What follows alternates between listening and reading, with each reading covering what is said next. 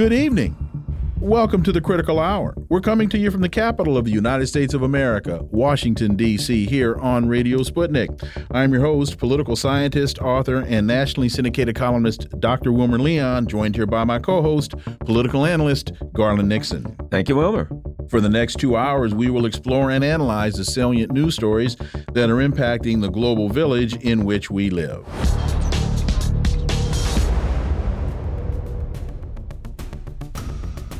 Counterinformation has a piece entitled Why the Ukraine Conflict Will Unravel NATO and Biden. The proxy war on Russia is the centerpiece of Biden's foreign policy of uniting the world's quote unquote democracies against quote unquote autocracies, particularly China and Russia. He boasts repeatedly of uniting U.S. allies, most in NATO, as never before. Though the real unity is spotty at best, until recently, the rhetoric seemed to work. No longer. For insight into this, let's turn to our first guest. She's a professor in the Department of Political Studies and director of the Geopolitical Economic Research Economy Research Group at the University of Manitoba, Winnipeg, Canada, and author of numerous books and the author of this piece, Dr. Radhika Desai. Welcome to the Critical Hour. Uh, thanks for having me. You continue in your piece. At its recent Vilnius summit, NATO's disunity bubbled over, though not for the reasons most discussed in the press. The real reasons are rooted in developments that threaten to unravel not only Biden's strategy, but also NATO. What are some of these reasons that you see uh, are causing such stress on NATO and will ultimately result in the undoing of Biden? That reason is the military failure that Biden and the West generally are going to face imminently in Ukraine. Because my broader argument is that over the last uh, several decades, post post Cold War decades in particular, the uh, the U.S. has kept the Europeans in line, uh, chiefly by demonstrating that it can do the job militarily. It did that in Yugoslavia, in particular, and that was the last major time when the Europeans, or the previous major time when the Europeans were displaying a certain amount of autonomy, independence. You know, the Cold War was over. Why did they need the United States a- a- anymore? So they were increasingly thinking of a, a distinctively European security order. And the United States put an end to all that with the intervention in Yugoslavia, where which showed everybody that it had the initiative, not the Germans, not the French, not anybody else. So similarly, in in the uh, in the wake of another uh, uh, uh, uh apparent um, attempt on the part of the of the Europeans to assert themselves uh, in the security sphere and say we need an autonomous uh, uh, security policy. Remember, Macron called uh, NATO brain dead uh, a while back, I think in 2019. So, in that context, Biden wants to essentially demonstrate to the Europeans once again that it's going that he you know that they need they need the Europeans. Uh, they, they need the Americans. And so the thing is, though, the way to demonstrate this is by winning militarily on the ground in Ukraine. And it looks increasingly impossible for all the hype, by the way, in the mainstream Western press, which is always going on about Russia's imminent defeat. The reality on the ground, as I understand it, is the opposite. And, and the, the Biden administration is also preparing an off ramp for itself, you know, uh, in various ways. But basically, the point is that uh, uh, this inability, and by the way, U.S. military failures, you know, this 21st century, we have seen a string of them. Uh, practically all the major interventions, most spectacularly the Afghanistan intervention, have failed. They have failed to meet any sensibly declared objectives. Uh, so, so the point is that if the United States cannot do what it uh, you know, can, cannot prevail militarily, then the Europeans are going to have to have a rethink of their policy. Let me ask you to do this. There's something that I have been um, for a while saying that when the history books are written, this will be a big part of the um, the deterioration of NATO, the attack on Nord Stream. Um, I'm not going to lead the witness. I'll just step aside. Your thoughts on that? Well, uh, you know, from everything that I'm reading, uh, obviously minus what the mainstream press talks about and refuses to talk about, it seems as though the United States was up to its gills involved in the destruction of Nord Stream. And this really demonstrates to you uh, uh, really what they are willing to do even to their allies. Now, the United States at the moment has the historical good fortune of having in government in Berlin a, a, a, a, having in power in Berlin a government that is willing to do anything that they want. You know, the, if the U.S. says jump, they're going to say how high. So, uh, uh, so, so, so that's that's been working in their favor. But the fact of the matter is, the government does not change the state and the economy of Germany, and that state and that economy have historically relied on Uh, uh, uh, the sources of energy that are closest to them, and they are therefore from Russia. So, how long can they keep up the self destruction of their economy, of which the Nord, the destruction of Nord Stream is only the tip of this very vast iceberg because German industry is really feeling the pinch of high energy prices, even as the German government is building LNG terminals with such great alacrity so that the United States can sell them oil uh, that, oh, sorry, uh, LNG uh, at, at vastly, you know, many times the price and of course many times the carbon footprint. So I would say, yeah, uh, uh, essentially for the moment it looks good, but the situation is good for the United States, but the situation is too unstable for this apparent good fortune to last. There are two points that you made in, in well, it's, it's a great piece. There are a number of just great points you made. Two I'd like for you to speak to. One, and I'm very glad that you talked about Article 5 and the fact that they love to tout that an attack on one member of NATO is an attack on all. But you highlight that the response of each ally is as it deems necessary. So if the, if France decided it wanted to send cases of beer to Ukraine, that that was the necessary action to take, they could send beer instead of sending tanks. And also, you make the point about how the United States aided Europe on a more or less commercial basis. And if you could talk about why that point is so important in your piece. Well, you know, uh, both of the points boil down to uh, at one level, the way I look at it, the survival of inter imperialist rivalry. I mean, at the end of the day, the Europeans and the Americans are both uh, imperial powers. Uh, and historically, in the past, we know that the rivalry between the imperial powers have led uh, in their time in the early 20th century to the greatest catastrophe ever, the two world wars, which in many ways should be seen as a single inter-imperialist war because the Versailles Treaty settled nothing, and so the Second World War was kind of inevitable. It just happened a couple of decades later. Uh, so essentially, there is a rivalry among them, and people like to say that the thesis of inter-imperialist rivalry has become redundant because the United States succeeded in uniting all the powers after the end of the Second World War. But the fact of the matter is that it could not possibly do so. During the war, at both the wars and after, the Europeans knew how they were treated. The British, who are regarded as such a great special, you know, they have a special relationship with the United States and everybody rips out the violin when they talk about it and so on. But the fact of the matter is that the United States played a central role in cutting the, uh, uh, you know, cutting the British Empire, cutting Britain down to its knees. In particular, uh, not only by taking away her empire, but in many ways, in uh, uh, many other aspects of her imperial power, her overseas investments, and so on. So the United States was doggedly determined to do this.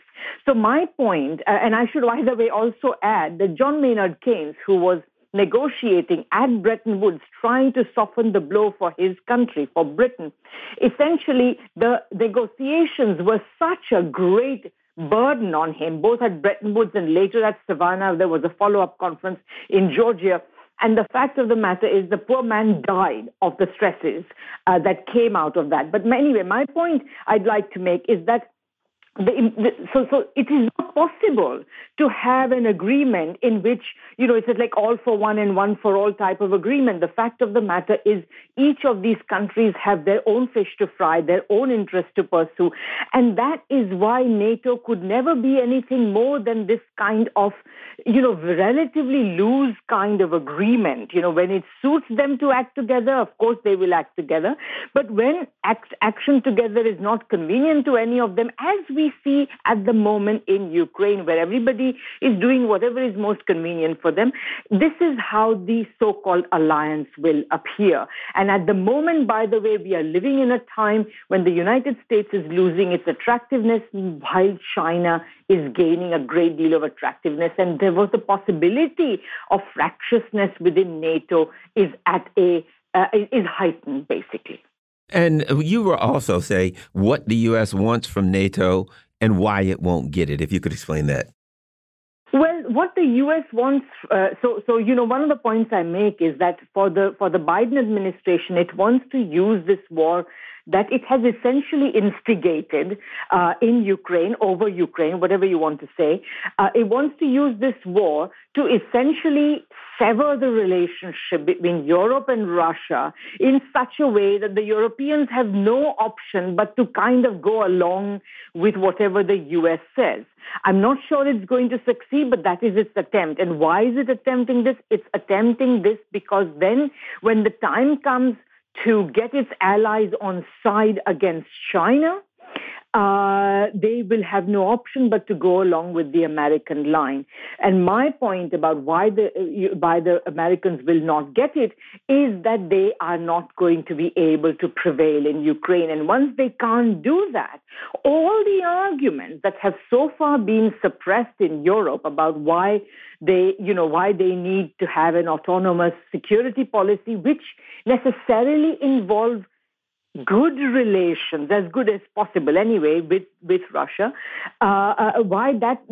So, so all of that discussion will come back to life because you know it's actually not you know first of all the unity that uh, Biden has fashioned is really uh, more of a surface unity if you look underneath you know if you open the hood what you see is a pretty decrepit engine. So so that unity is not really supported by the uh, do not does not really support the claims. So my point is that the Biden Biden administration is not going to get what it wants out of NATO. Instead i think this war is going to show that um, the idea that NATO can be a sort of instrument for uh, the, the, the essentially uh, uh, uh U.S. world domination aided by the Europeans, that idea is going to fall apart. We have just about a minute left. So, to that point of it falling apart, if we use the analogy of a poker game and all the NATO allies are sitting around the table, do you have any idea what's going to be the precipitant event that is going to get them to start folding? Well, the precipitant event is is already happening to uh, to, to an extent because already now major uh, uh press, uh, major outlets, mainstream outlets in, in the West are beginning to say that the war in Ukraine is being lost. Okay. And when that penny drops, that's when the folding will begin. Dr. Radhika Desai, thank you so much for your time. The piece, Why the Ukraine Conflict Will Unravel NATO and Biden. Phenomenal work. Greatly appreciated. We look forward to having you back. Thank you very much. I look forward to coming back. And thanks, yeah, thanks for great questions. Bye. Folks, you're listening to the Critical Hour on Radio Sputnik. I'm Wilmer Leon. I'm joined here by my co host, Garland Nixon. There's more on the other side. Stay tuned.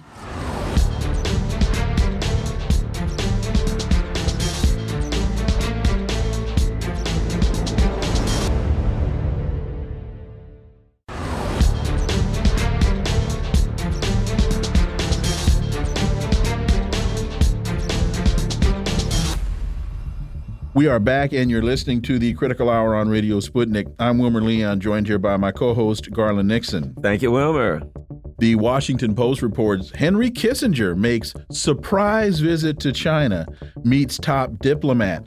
China's top diplomat hinted earlier today to former American Secretary of State Kissinger, the 100 year old who was at the heart of the U.S.'s rapprochement with China half a century ago, that Beijing was nostalgic for the days he was running U.S. foreign policy.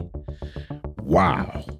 How bad must it be for the Chinese to be waxing nostalgic of the days of yore of Nixon Kissinger? Well, for insight into this, let's turn to our next guest. He's a writer and professor of East Asian and Global History at New Mexico State University, Dr. Ken Hammond. Ken, we said offline we we needed you today to talk about this. So, well, I'm I'm always glad to be here, but this is this is kind of a kind of a special one, yeah. so, so, on the heels of current Secretary of State Blinken's trip to Beijing last month, Kissinger is on an unannounced visit to Beijing that coincides with that by Kerry, John Kerry, who's here to talk about the climate. Professor Hammond, Kissinger's unannounced visit to Beijing certainly wasn't unannounced to the Chinese. so, are this, is this a matter of the big leaguers are now in the game since the bench squad does not know how to play the game and they surely don't know how the game gets played? Well, uh, you know, buried in the article somewhere, there's a note that says that, uh, of course, uh, the State Department was not unaware of, of you know, this impending visit. So, I think that the idea that it was unannounced, apparently, the only people to whom it was unannounced were the American people, uh, and, and and that only that only makes us think back 50 years and uh, and recall the the surprise that, that we all felt at that point. I think this is it's a fascinating moment for for Kissinger to show up there like this because you know the uh, the relationship between the United States and China, you know, and we don't need to go into the deep dynamics of it all, but it's obviously been been very very fraught, uh, very clearly moving in dangerous, reckless directions on the American side.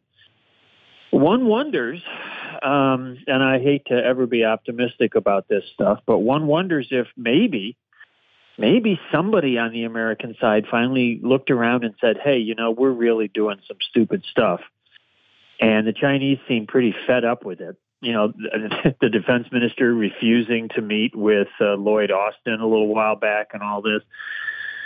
Uh, maybe maybe we better try to figure out a way to lower things really to to actually try to change the direction of things. So what do you do at that point? You call out Henry the K, you know, and uh, and there he is. Uh, you know, a war criminal who really ought to be, you know, looking at the world through bars, but instead is once again out on the global stage, uh, you know, doing his magical thing. So I don't know. You know, I, I think that um, it may be a moment of of, uh, of at least some attempt at uh, trying to pull back from the brink that the U.S. has pushed things to. Uh, but we'll have to see. It's it's as ever a matter of what they say and what they do. So, you know, trotting out Kissinger may mean that there's going to be some substantial change in American policy, but only, you know, the proof of the pudding is always in the eating. And we'll see if policy changes, if the behavior of the American state changes, if the provocations and the demonization stop or at least get dialed down. That would obviously be a good thing. But I remain, you know, I remain pretty skeptical about it. And we'll see. Uh, know, obviously, John Kerry's visit there as well is important in terms of the real substantive problems facing the working people of the planet, their survival, this existential threat of the environment. It's good for Kerry to be there. It's good for him to be having some apparently, you know, at least cordial conversations maybe this is a moment of, of inflection in the situation, but the truth will only reveal itself in, in the behavior, the actual actions of the American uh, government. You know, Ken, when I think about um, uh, the what happened in the Middle East. You know, the Blinken's State Department is over there mucking things up as usual. The Chinese come in and yank the rug out from under them and get the uh, uh, the Sunnis and the Shiites back together. When I look here, Blinken and his people go there. He comes back, and Biden's babbling something about Xi being a dictator. It all falls apart. I get the feeling throwing going out on a limb here, that the actual people in power looked at Blinken and Biden and said, I, I, can't take it anymore. These people are amateurs. Somebody call Henry Kissinger. Call anybody. These people are morons. Can we get somebody here that has half a brain? Well, Henry, Henry Kissinger's 100 years. I don't care send him. And I get the feeling that this is as a result of Blinken and Biden, and that somebody's saying, I'm tired of sending a boy to do a man's job. I hate to insult these people, but that's the way it comes across to me, Ken. Tommy Lasorda is on the phone to the bullpen saying yeah. we need Henry the K on the mound. Get somebody that can throw a strike. Ken. Exactly. No, I I think you know that that line in the article about uh, uh, the Chinese expressing some sense of uh, of nostalgia. Mm-hmm. You know, I mean uh, that that moment you know, more than 50 years ago now, uh, a moment which which put the United States on what we have to see objectively as a as a better path recognizing uh, the legitimacy of the of the government in Beijing, acknowledging that uh, that the Tai that Taiwan is part of China and that this is an issue to be resolved by the Chinese people themselves. That was a good moment. That was a moment, shocking as it was to many of us at the time. It was a moment that we can see uh, you know, was was moving in a in a better direction in terms of, of U.S. China relations and in terms of, of China's ability to advance along its its socialist path. And so uh, it's no surprise that uh, that the, the leaders in Beijing today would be like, oh, here's someone who actually knows what they're doing. Here's someone, you know, who has played a positive role uh, in the past and uh, uh, you know it, they can they can claim this is unofficial and all this kind of stuff, but the fact of the matter is, you know, he's meeting. He met with the defense minister. He met with the the number two, uh, uh, you know, leader Li Qiang. Uh, I wouldn't be surprised if uh, if it comes out at some point that he's going to meet with Xi Jinping.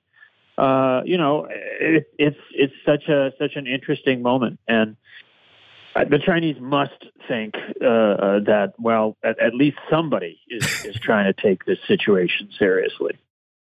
Am I wrong to also view this through the prism of if we go back to, I think, May of last year, Kissinger said that the conflict in Ukraine was a mistake. Now we know he he subsequently changed his tune, but he was very clear that this conflict in Ukraine was a mistake. And so so he he comes out and makes that point.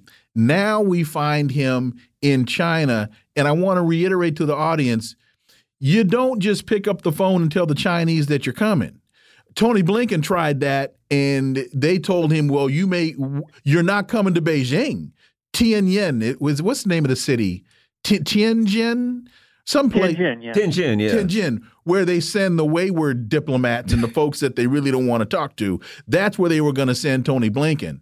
So for Kissinger to make it in and to your point, Ken, up the chain that he's made it as far up the chain as he has. Now, what we hope is that that Blink that that Biden doesn't turn around and say, "Well, look, we threw in the K, and the K couldn't even get it done. Therefore, we're going to war."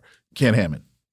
Uh, that would be a, certainly a, a, not an impossible outcome, given the the the the, the apparent uh, wild vacillations in uh, in what comes out of the White House. You know, they say one thing one day and do something very opposite the next day. Uh, so who knows? Um, but uh, you know, I, I think that that Kissinger doesn't go in. Uh, you know, he he doesn't you know get the authorization from the State Department. He doesn't get the welcome mat rolled out from China without there being mm-hmm. some some sense of the seriousness of the situation. I mean, he, this is not a casual visit. This is not. You, he, he, the guy is 100 years old. You don't just jump on a plane and go to Beijing for a lark. He didn't happen to be in the neighborhood looking looking for a restaurant. That's right. Do you think, Ken, I'm wrong with my assertion that people always say, well, Biden ain't in charge. Who's really in charge? That the people with the real power are saying, uh, uh, we got to get somebody out of the bullpen that can throw a strike, basically. That it's like Biden, it's a sad state of affairs when they got to bring a hundred year old guy in to do the job because you can't get it done. But it seems like that to me, kid. No, I, I think that that's that's probably a, a, a pretty good read. That you know we know that that there's there's the political class that that is in charge of the day to day operations of the state, but that there are interests which are not just abstract. These are real people who are behind the scenes, who who are the real holders and wielders of power. They don't want to spend their time, you know, dealing with the nuts and bolts of it. But I think that that enough uh, enough heavy hitters have probably expressed their concerns that that the direction and the realities of, of how American policy has been operating has brought us to a very, very dangerous point. A point that's dangerous in terms of this military adventurism, the, the provocations in the Taiwan Strait and the South China Sea. It's dangerous in economic terms. This idea of all the all the sanctions and the you know the decoupling and, and the delinking or whatever they however they want to try and spin that this you know the the, the tariffs and everything that uh, Trump put in place all this is having a very negative effect on the American economy. You know, the, uh, one of the big anxiety topics that used to get talked about was was the the trade imbalance. Well, trade, you know, imports from China in in 2022 reached their highest level ever.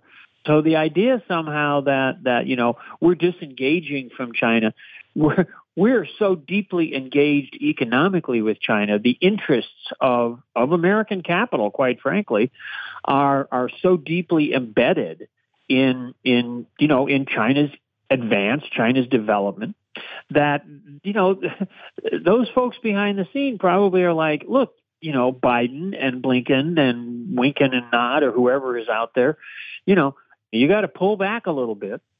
And you've got to, uh, you know, we're going to have to do something else. And if you guys can't cut it, you know, we're gonna we're gonna bring out the big guns here.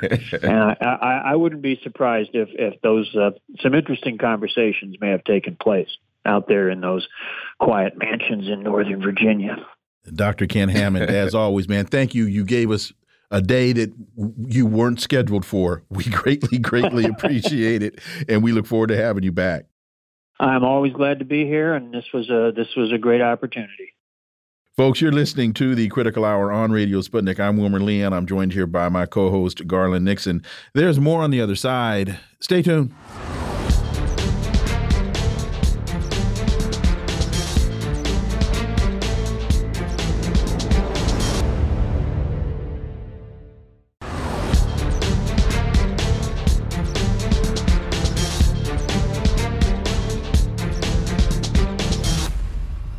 We are back, and you're listening to the Critical Hour on Radio Sputnik. I'm Wilmer Leon, joined here by my co host, Garland Nixon. Thank you, Wilmer.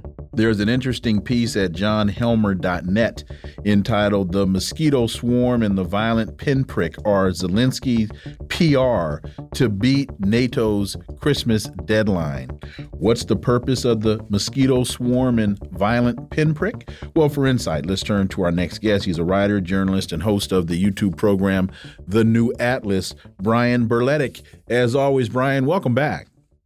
Thank you so much for having me back. It's always an honor and a pleasure. So uh, Helmer continues on the battlefield. The Ukraine has pioneered the mosquito tactic. That's the sending units of dozens of soldiers running towards Russian defense fortifications in several swarms at the same time across a half dozen salients up and down the line of contact. In parallel, in the air and on the sea, Zelensky and his general staff have devised the bloody pinprick tactic. That's drones exploding on Russian targets like the Crimean Bridge or the Kremlin Senate Dome. The purpose of both mosquitoes and pinpricks is war making as public relations. Brian Berletic, your thoughts? Absolutely. They have demonstrated that they are unable to carry out this offensive the way that it was imagined, the way that it had been sold to the public for many months. Uh, NATO armor sweeping over Russian defenses. This simply has not happened. This is not going to happen. Uh, and so they are trying to make it appear as if the offensive is still going and is still viable through these these type of attacks, which are less significant, if not entirely irrelevant, both tactically and strategically. And it seems to me, let's face it, the people here, uh, the people that are running this thing at the State Department know that. It seems to me that what a big part of this is a PR move against people in the West. So as people in the West start to see things fall apart, they can do these kind of high value PR things, and people will be you know, misled into thinking that there's some level of success because there's not much to these attacks, but they get a lot of news. Absolutely. And we, we just saw the attack on the Crimean bridge.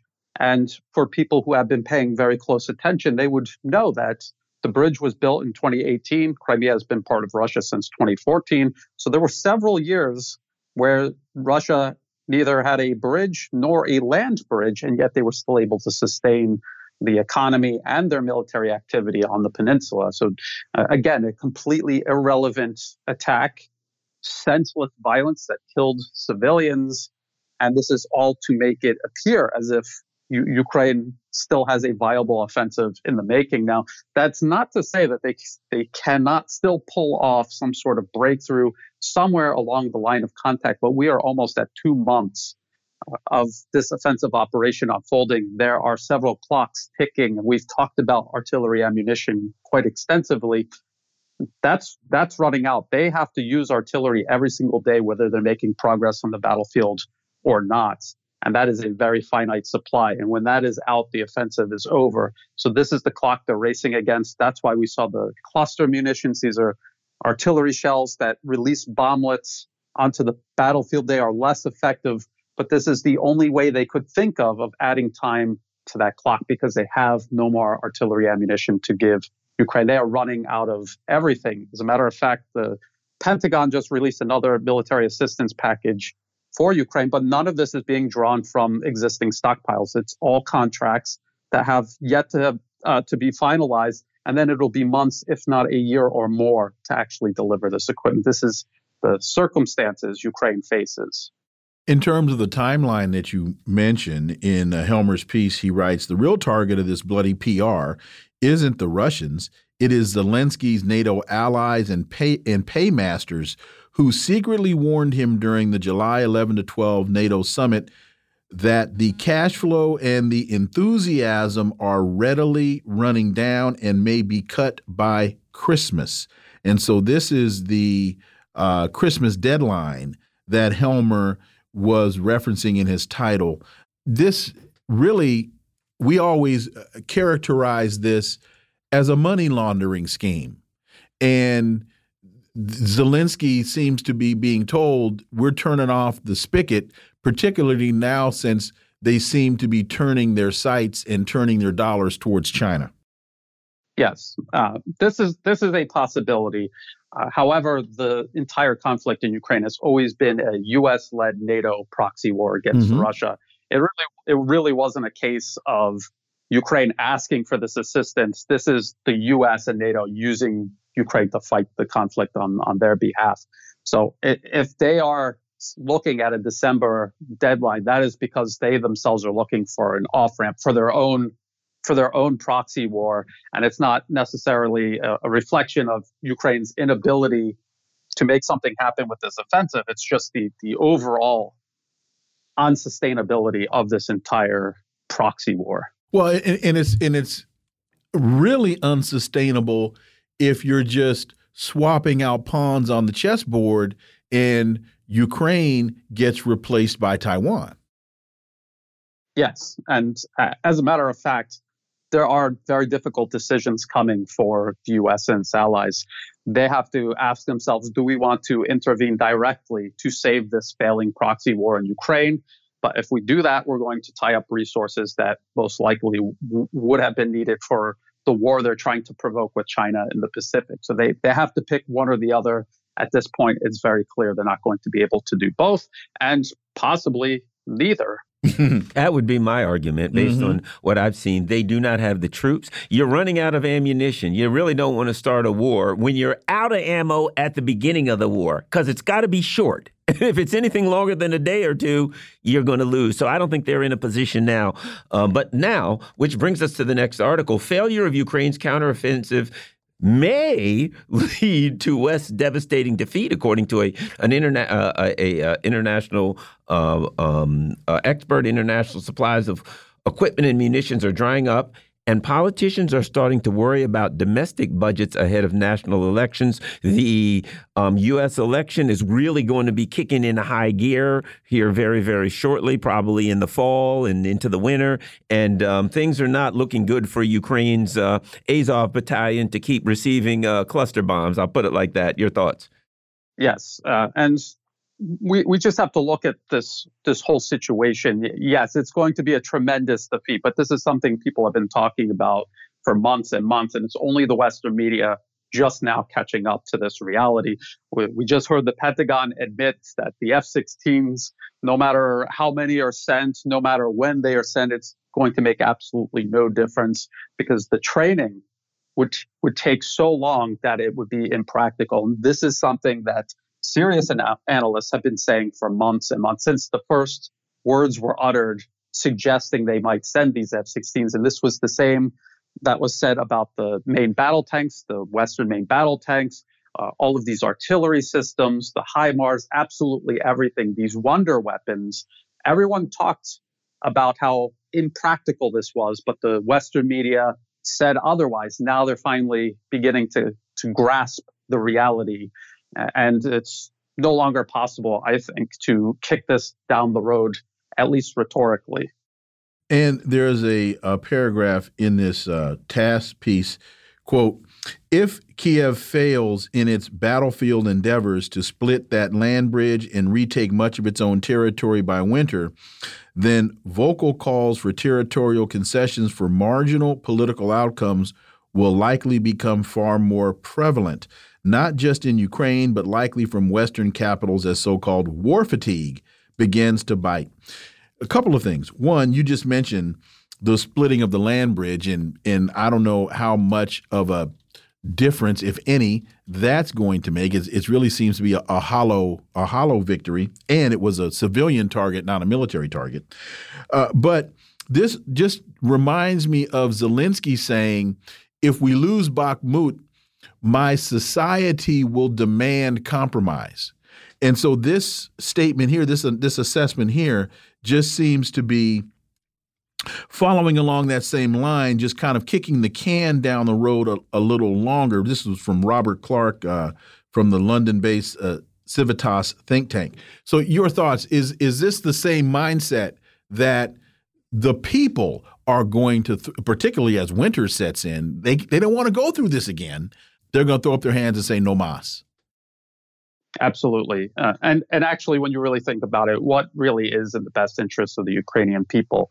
This war should never have been fought in the first place. The United States should never have overthrown the elected government in 2014 in the first place, and all of this could have been avoided. And at any time, this process can be put to an end.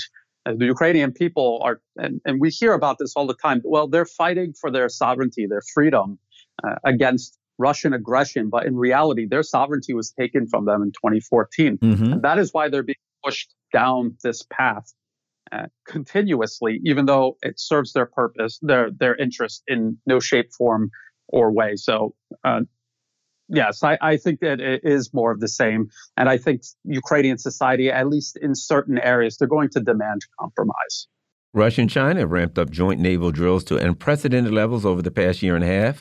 The two countries are founding members of the Shanghai Cooperation Organization, and Rus uh, they're about to uh, do some drills in the Sea of Japan. Your thoughts on the Russia-China strategic alliance, and is that is that a military alliance, Brian?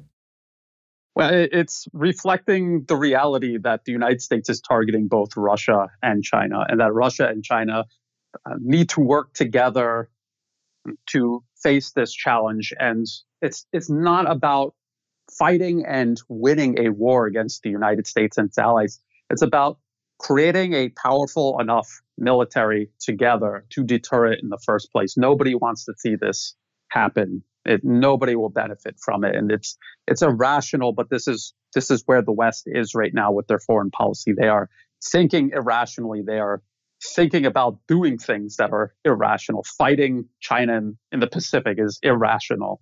And so by working together, I, it, it's not the same as say NATO.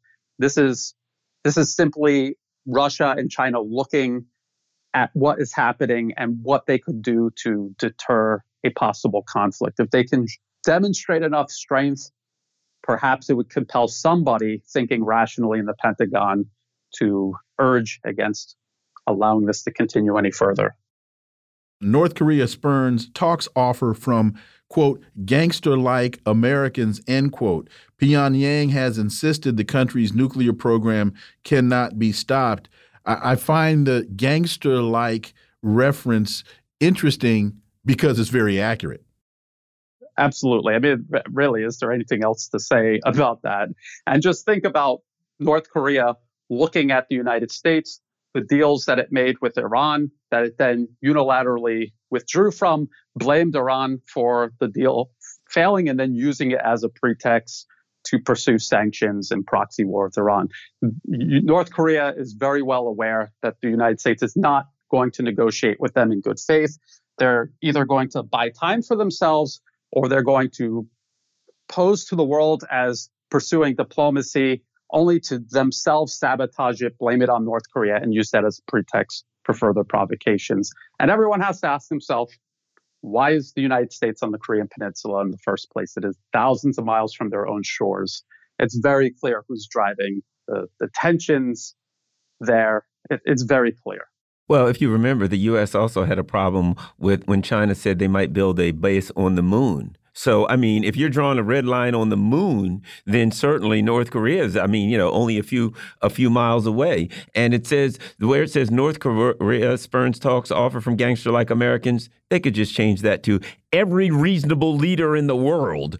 30 seconds. Uh, we we just have to look at just the the relatively recent history of the Korean Peninsula and how the more hands off the United States is, the more North and South Korea reconcile with each other, the, the, the easing of tensions, the, the building of constructive ties uh, over, over the DMZ, and every time the United States begins to get involved, everything begins to unravel. Um, look at South Korea. Uh, they have a president right now not looking out for the best interests of the Korean people. And uh, just think about North Korea and, and, and, any potential future relationship with the United States. Uh, they could see themselves becoming a, a victim in a very similar way. And what North Korea clearly understands is, and this is the point you made just a, a few seconds ago, when you're in a gunfight, you better have a gun, not a pea shooter. So, so they understand. Uh, hey, the, the, the nuclear program is the only thing that's keeping us afloat, and uh, so they're not about to acquiesce to U.S. demands on that front. Brian Berletic, as always, thank you so much for your time. Greatly, greatly appreciate uh, your analysis, and we look forward to having you back. Thank you. Folks, you're listening to the Critical Hour on Radio Sputnik. I'm Wilmer Leon, joined here by my co host, Garland Nixon. There's more on the other side. Stay tuned.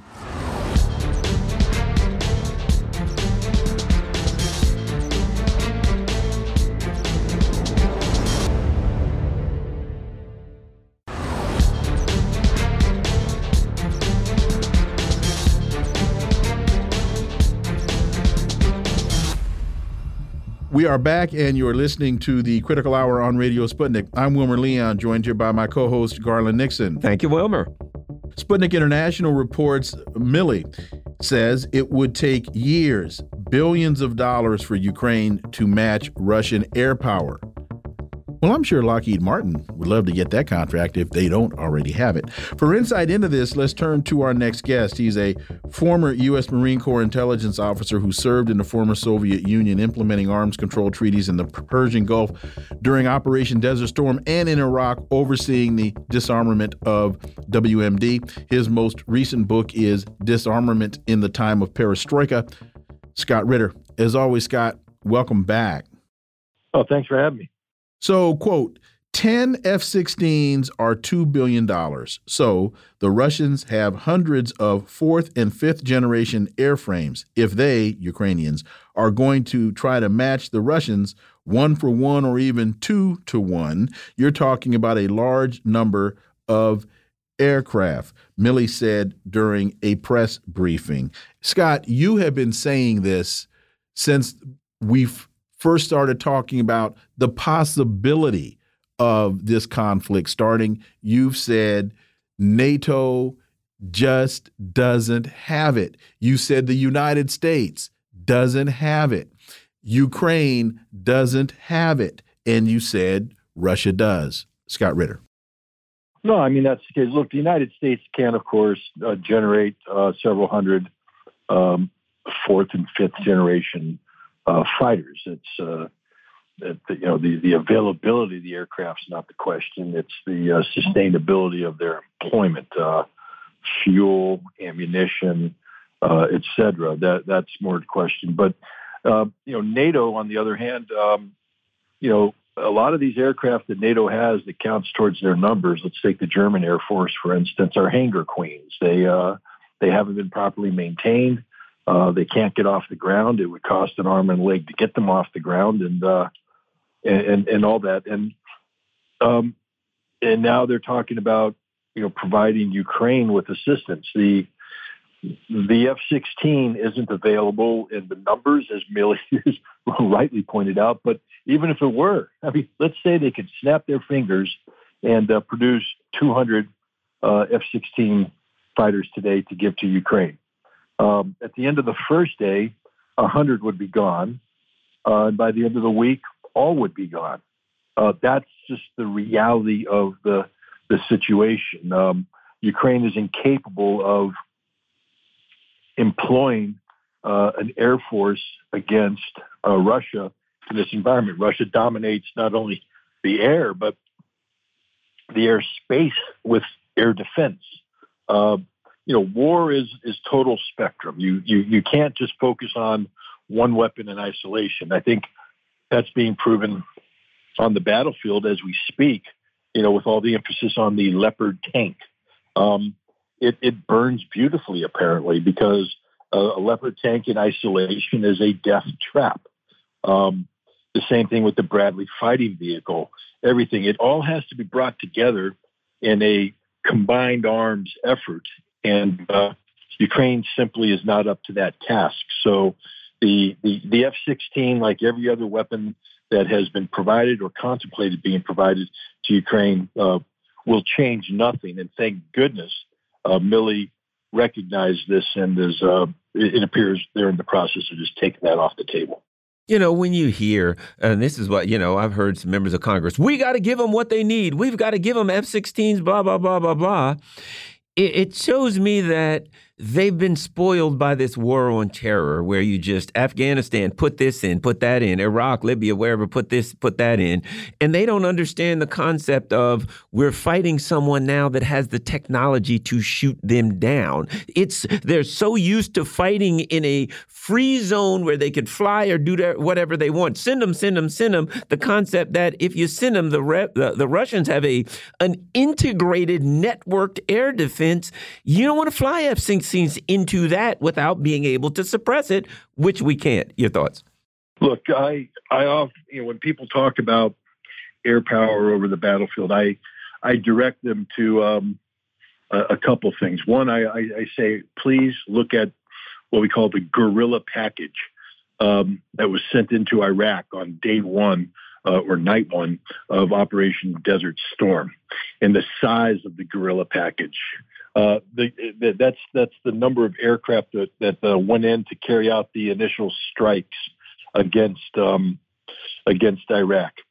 The you know to put say a squadron of F-15E fighters over Western Iraq um, to make that happen. It isn't just about flying those fighters. You need aircraft to come in and suppress the air defenses. So additional packages of aircraft have to come in uh, to take out air defense. Each package includes not only the aircraft designated with the suppression of an enemy air defense uh, task, but um, the combat air patrol overhead to keep enemy aircraft away from them. Then there's electronic warfare airplane to come in and jam radars and uh, and, and, provide support to that. Uh, these airplanes have to be refueled uh, en route because generally the bases they're taking off from uh, are so far away that they'll run out of fuel, so they have to be refueled. Those tankers require uh, a combat air patrol above them as well to keep enemy fighters from shooting them down. And all of this is coordinated by uh, an airborne um, command and control, an AWACS uh, aircraft, one or more, depending on what's going on. Hundreds of airplanes are necessary to be flown in order to get a dozen airplanes over the target. Um, you know, this this is this this is just a, a, a reality. People don't under, don't understand uh, air power. They they they think that it can be done uh, cheaply. They think that just throwing some airplanes here, there, and everywhere is is going to solve a problem. One of the reasons why the Russians don't um, launch strikes against uh, Ukrainian airfields is for that very reason, because to project their power inward would require them to assemble a gorilla package, and that now puts a lot of aircraft at risk. And um, that's not how Russia's decided to fight this fight. They've decided to use uh, long range precision strike munitions like cruise missiles and, uh, and, and, and and things of that nature, um, or to use these uh, plane guided uh, bombs, the, uh, the, the, the Fab 500s with wings and guidance system that can be dropped from 40 kilometers away and glide into the uh,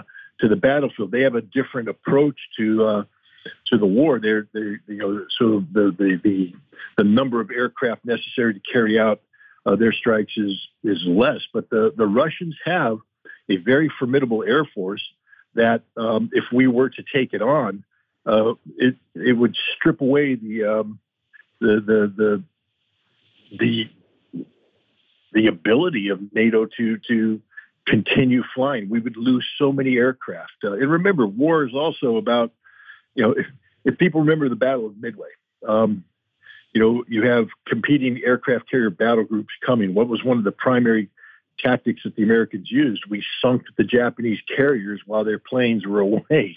And when the planes came back, there was no place left to land. Um, well, that, that holds true in, in ground warfare as well on, on the land. Uh, every airfield that sorties out airplanes will be struck. Um, and if you don't have the ability, which we train for all the time during during uh, the Cold War uh, in in Germany, I lived next door to a, uh, an American air base, and they went out there and they practiced uh, emergency airfield repair all the time. They'd blow up a runway, and these guys would have to come in and scrape it and and get an emergency airfield down so that airplanes could land, be serviced, and taken back off. Because once you take the airfield out of order, there's no place for those planes to go. You've disrupted the entire picture. Air war is extraordinarily complicated business. This has taken us a bit not off topic, but out of the loop of stories. But you just made the point. Russia has decided to do this another way.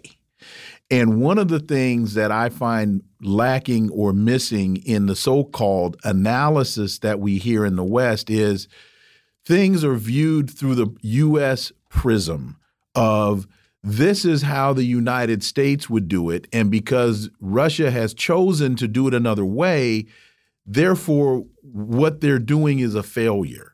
And Garland and I say on the show all the time no, they're just doing this another way.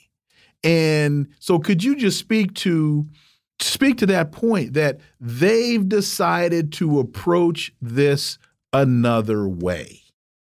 Yeah, I mean, it, look, there's a couple things even during the Cold War, uh, when both sides had very uh, substantive uh, air forces, uh, the Russian approach to close air support was completely different than the American approach. Um, the Russians viewed the, their their bombers as uh, basically mobile artillery. Um, to, to, to go in and, and, put firepower on a given target, et cetera. Uh, they had a lot of them. Uh, they could be expended. I mean, the idea was that they would flood a zone with uh, with bombers or with fighter aircraft, and they're going to lose a certain number of them. Uh, the United States had a different approach. We did a more coordinated approach. Uh, close air support was more uh, a controlled thing, providing precision strike for uh, troops on the ground. Um, two totally different ways of looking at uh, doing business. Uh, when the Russian when the Russians transitioned into control of their military from the Soviet Union, uh, the first thing they realized is that they didn't have the money to to maintain the size of the arsenal that the Soviets had. That they had to reduce their military, which meant that they could no longer support uh, some of the approaches that the uh, Soviet Air Force had uh, taken in the past. So the Russians uh, redid their their concept. They they designed new aircraft uh, that were designed not so much to fly over the the enemy, but out of the reach of the enemy and uh, and, and send weapons into the enemy. That the weapon would be put at risk, not the platform. And that was the Russian approach. The United States, on the other hand, we transitioned from the Cold War into repeated combat, but this was combat in a relatively permissive environment. I mean, the only time that we we had meaningful air defense was against Iraq in uh, in 1991. We lost a number of aircraft there, um, uh, but you know, and we had we lost some aircraft against uh, Serbia as well. But in Iraq, in the in the you know after 9/11 in Afghanistan, there was no air defense, and so we perfected a close air support in an extraordinarily permissive environment. Uh, we we created this whole new cast of characters called uh, JTACs, the Joint Tactical Air Controller, and these guys are like gods. They're on the battlefield and they can bring in air power, and they're masters of everything. And they'd have zero survivability today because, first of all, the amount of radio using uh, would be uh, you know DF'd by by the enemy who would bring firepower on their position. Second of all, every airplane they brought in would get shot down. Uh, you can't stack bombers. That's one thing a JTAC would do is they they'd, they'd be working a problem. They'd stack assets and just bring them in on the target, on the target. Well, in modern warfare, they're all going to get shot down because there's air defense everywhere. Our whole approach to close air support is so far removed from the reality of the modern battlefield as to make our Air Force practically useless because you fight as you train. And our Air Force has been training for the last 20 years to carry out a battle that's no longer viable. And that's why I, I sort of I'm glad Milley finally got it because there's so many people out there that are saying, man, if all they had, if all only the Ukrainians had F-16s to provide close air support, do you have any? I bet you the guys that say that don't even know what close air support is. I used to be a Forward Air Controller. My job was to fly in OV-10 Broncos and direct aircraft onto their targets. Um, if I tried to do that in the modern battlefield today, I'd be shot out of the sky. Uh, it's it's it's a tactic that was developed in World War II, carried over into Korea. We did it in Vietnam, but you know, one of the reasons why the Marine Corps got rid of the OV-10 Bronco was that during the 1991 Gulf War, when we tried to use the Bronco in a forward air controller capacity, the Iraqis shot it out of the sky. And the Russians today have air defense that's 500 billion times better than what the Iraqis okay. had in, in, in the Gulf War. Our entire approach is fundamentally flawed. The Russians have an approach towards applying air power to the to the modern battlefield, which is designed with all of NATO's capabilities in mind. That's why you're not going to see Patriot missiles shooting down uh, Russian aircraft because the Russians have designed a way of fighting that keeps them out of the envelope of the Patriot. Uh, we, on the other hand, don't have that way to fight. We have to penetrate in, and we're going to get shot down. Scott Ritter, as always, thank you so much for your time. Greatly, greatly appreciate that analysis. We look forward to having you back. Thank you very much. Folks, you're listening to the Critical Hour on Radio Sputnik. I'm Wilmer Leon, and I'm joined here by my co host, Garland Nixon. There's another hour on the other side. Stay tuned.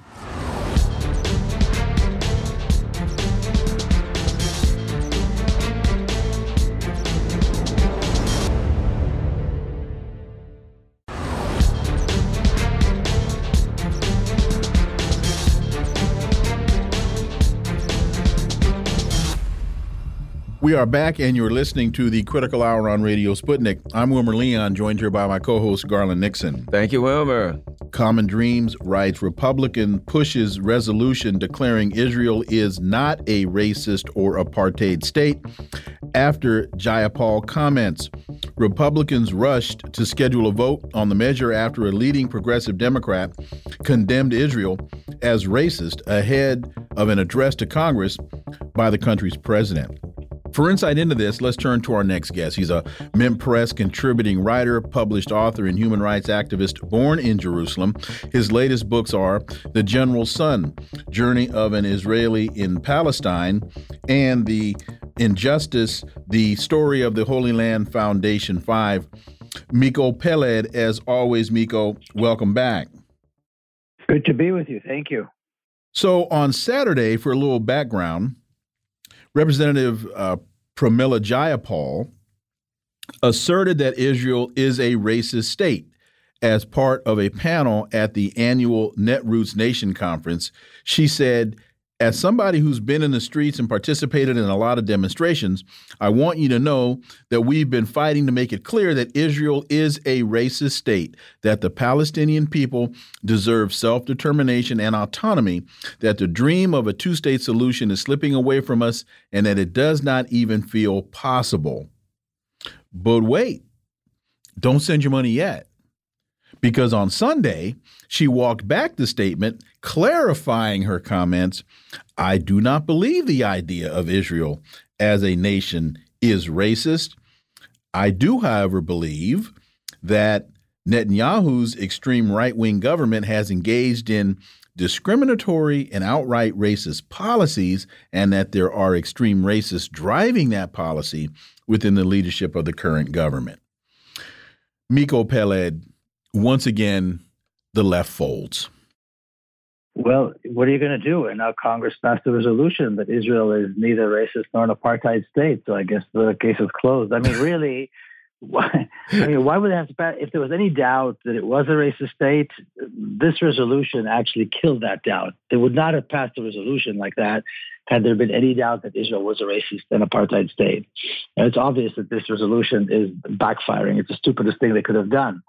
Um, and then while they're at it, they should probably pass a resolution that the world is flat and the sun revolves around the earth.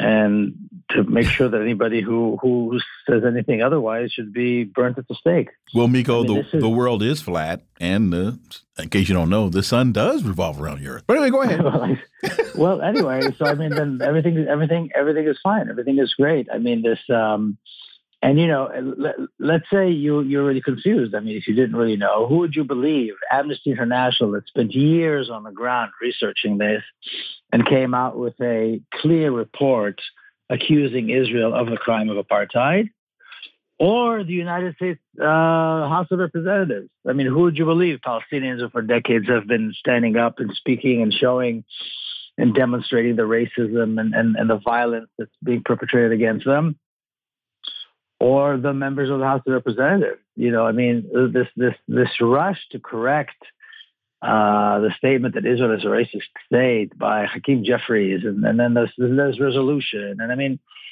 uh, you know, and it, it's all it's all because here in Washington, if you tell the truth, everybody just loses their cool. They don't know what to do with themselves. It's it's really the strangest kind of I don't know if it's a if it's a disease or if it's just some kind of a stupidity virus that that everybody's been infected with. But it's madness and it's stupid and it's it's it's obviously counterproductive. How could you walk back a statement that Israel is a racist state when everybody knows Israel is a racist state? You know, the fact that me being a black person and looking at Hakeem Jeffries write this as a Jewish and democratic nation, Israel was founded 75 years ago on the principle of complete equality, of social and political rights for all of its citizens, irrespective of religion, race, or sex, as codified in its Declaration of Independence. Now, I remember something that was written uh, 250 years ago in, in, in the United States that said, all men are created equal. But if Hakeem Jeffries was there, he'd have been getting beat and picking cotton every day. So it doesn't matter that the U.S. wrote all men are created. Would he say, Yeah, everything. There was there was no racism or anything going on in 1784 as an example. Everything was fine. You know why? Because we had a document that says all men are created equal. I hate to say it, this man is a disgrace to the black community in America. And that's why so many black people are now referring to people like ha Hakeem Jeffries as the black mis misleadership class. Your thoughts, Miko? Wow. Look, I, I, I mean, you know, I think you nailed it. I mean, I think that's that's exactly it. And and, and the fact that and the fact that they're trying to hide something that is so absolutely clearly obvious. You know, what are they afraid of? I mean, what are they afraid of? They're already in their seats, you know? It's pathetic. I mean, if they walked down the streets and somebody threw egg on their face, it would be less humiliating than this this this this process of trying to say that prove to to to you know pass resolutions and, and and deny that Israel is a racist state, or to say that it's a racist state, and they say no no no no no it's not a racist state. You know, it's they uh, these people have no shame. I mean, they have no dignity when it comes to Israel. They are absolutely out of their minds. They're absolutely out of their minds. And and you know, whenever it's going to be five years, ten years from now, whatever the case may be, when it's when it falls and, and, and Palestine is free and democratic, we're going to remember that these idiots stood up and said that it wasn't a racist state to begin with. It's like when the people called Mandela a terrorist and said that there was no, you know, didn't want to boycott apartheid South Africa and on and on and on. I mean, there's a history to this stupidity. There's a history to this. And they obviously uh, have not read the history. Isn't it also codified in the Zionist colonies law that Israel is a Jewish state? D doesn't it doesn't it say that that it says everyone has human rights, but national rights belong only to the Jewish people?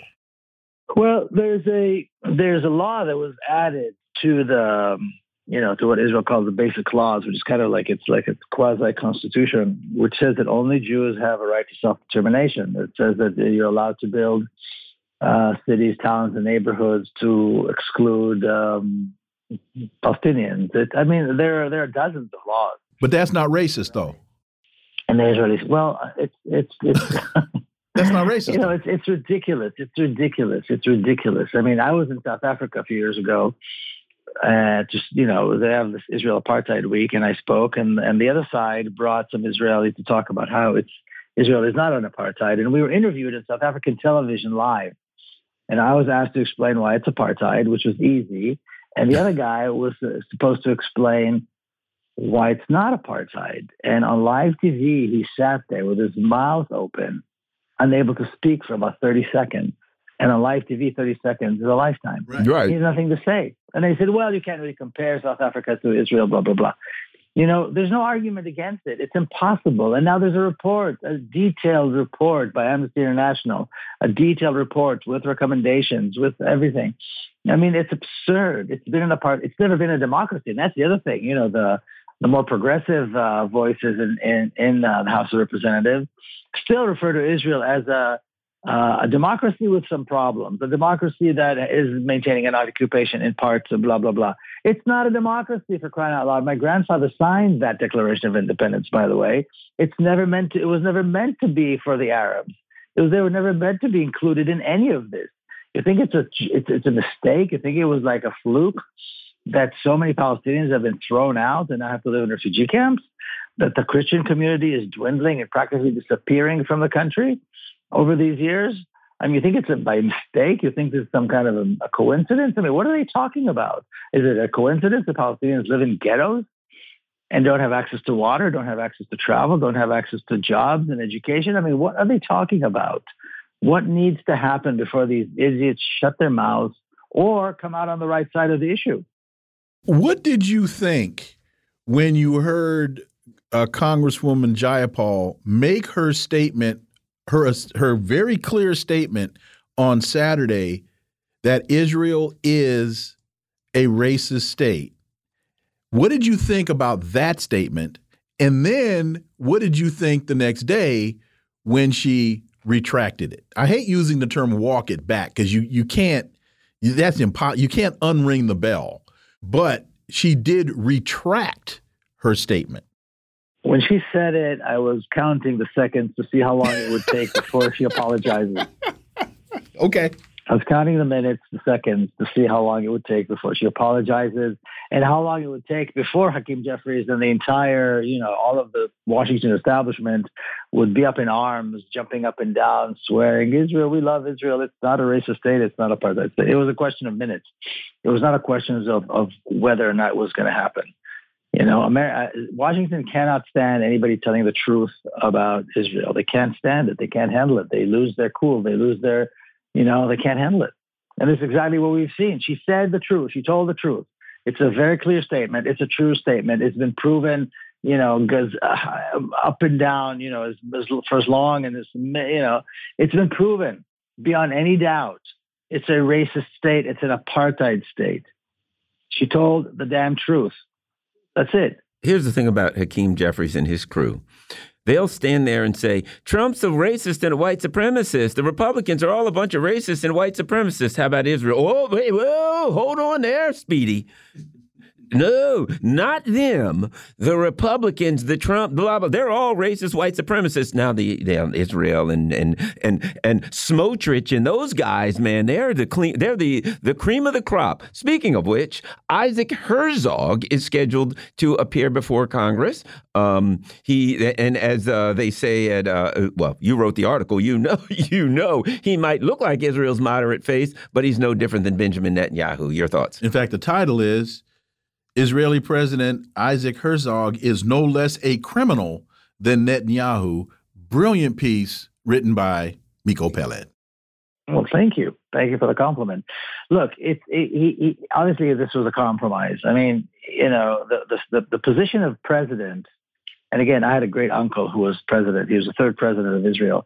You know, it's where it's where politicians that have no longer any use go to pasture. It's like a great retirement. It's people that have absolutely nothing more to offer are thrown there for a few years to just kind of be the symbol, this thing that is absolutely useless. But from time to time, if we need something states like, something that will be supposedly apolitical and represent the state, then we refer to that guy. And that's exactly where Herzog is. But Herzog, you know, he sat on several cabinets, including Ariel Sharon's cabinet back in the day. He went to light a menorah during Hanukkah, the Jewish festival of Hanukkah, in Hebron in the with the worst racist, violent gangsters, Zionist gangs who are perpetuating some of the worst violence against Palestinians. He went to them. He drove to Hebron, to the old city, to the settlement, to their synagogue to show that the world that he comes from, which is kind of this more eh, supposedly moderate labor, kind of centrist uh, Zionism, is now at one with the most vile, violent, hate-filled Zionists that exist, which are the settlers in Hebron, and that's what he did. So, in other words, he himself, with his with his actions, has shown that he is no less a criminal than Benjamin Netanyahu because he, is, first of all, he's agreed to be the head of the state, this apartheid state, and he served on, on, on in different ministerial different ministerial positions. But he went to Hebron for crying out loud to do this, to show them the love, to show the love to these to these. Like I said, I've said it. I'll say it again. To these hate-filled uh, racist settlers, and uh, and and now he's going to get. You know, he's, he's going to be here. Who knows how many how many standing ovations he's going to get. I mean, he's a political nobody, which is why it was they invited him. You know, McCarthy said he was going to invite Netanyahu. I guess you know, Netanyahu was indicted. It's kind of embarrassing to invite him. So they said, well, let's have this guy. He's not indicted, at least, and he's not really in any position uh, that's controversial. So they invited him. That's the only reason he's here. Um, and it's a disgrace. It's a disgrace that somebody like that, that represents the state of Israel, is allowed to enter the United States and is allowed to speak to Congress. Miko Peled, as always, thank you so much for your time. And folks, again, the piece that uh, that Miko wrote, you can find it in Mondoweiss. Uh, Israeli President Isaac Herzog is no less a criminal than Netanyahu, as Congress brings this criminal to speak before it. Miko, thanks so much. Look forward to having you back. Thank you. Thank you. Folks, you're listening to the Critical Hour on Radio Sputnik. I'm Wilmer Leon. I'm joined here by my co host, Garland Nixon. There's more on the other side. Stay tuned.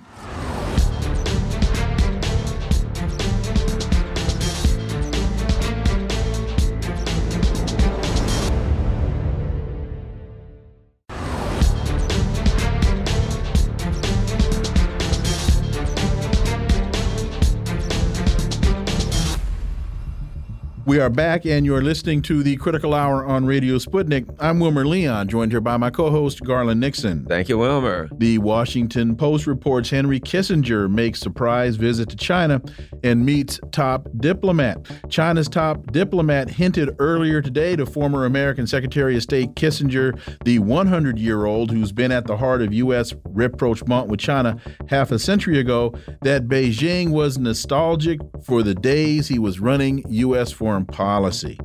As we said earlier, thank you. wow. How bad must it be for the Chinese to be waxing nostalgic of the days of yore of Nixon Kissinger? For insight into this, let's turn to our next guest. He holds the John J. and Rebecca Moores Chair of History and African American Studies at the University of Houston. He's one of the most prolific writers of our time. His latest book is entitled Revolting Capital Racism and Radical radicalism in Washington, D.C., 1900 to 2000. Dr. Gerald Horne, as always, sir, welcome back. Thank you for inviting me. So, with the Chinese again waxing nostalgic, is this an indication that now the adults have come into the room, that the big leaguers are now in the game, and that the bench squad doesn't not only do they not know how to play the game, they don't even know how the game gets played. Well, all of the above. However, I must say that the sight of the wobbly, probably senile Henry Kissinger, 100 years old, toddling along in China, uh, hardly able to walk, in many ways is a living symbol of the debility mm. and the decrepit nature of U.S. foreign policy. Mm. Mr. Kissinger obviously is trying to rescue his signature policy. That is to say, in 1972, he was able to engineer an anti Soviet entente with the People's Republic of China. However, the price, I think, retrospectively, was much too stiff because the price was massive foreign direct investment from the United States and its allies into China, which has now created this juggernaut which bids fair to leave U.S. imperialism sprawling in the dust. And perhaps even worse, or perhaps even more telling, is that Mr. Kissinger was in China, obviously trying to woo the China on another anti Moscow escapade. But obviously, it would not make sense for China to pursue that policy because they have enough sense to realize that if they weaken their firewall in Russia, that puts them directly and immediately in the crosshairs. And so Mr. Kissinger, in some way, is a wobbly symbol of the decrepitude of U.S. foreign policy as U.S. imperialism enters its terminal stage. What kind of statement is this on the the Biden Blinken State Department in that you know Tony Blinken goes there and he um, you know they make him sit around for untold hours and kind of embarrass him. Um, Biden, of course, does the usual foolish uh, you know Xi is a dictator, so they just completely botched this thing up, and it almost seems to me like the people in power like said you know, we got we got to send somebody that has half a brain to China. Uh, did you got Henry Kissinger is the guy that they bring off the bench because the Biden Nuland, I mean, excuse me, the Biden uh, uh, uh, um, Blinken team is doing so bad. What kind of statement is that? Can I put it another way? Because that's the same question I had, but I was going to ask it this way: Who called him, and why? What, did Joe Biden, like like Tommy and, Lasorda, and make make a call to the bullpen? And, hey, get Hank in here. Who called Henry Kissinger? And it seems that this would be embarrassing to the Biden people. Absolutely, Dr. Horne. Well, it, it's certainly uh, embarrassing.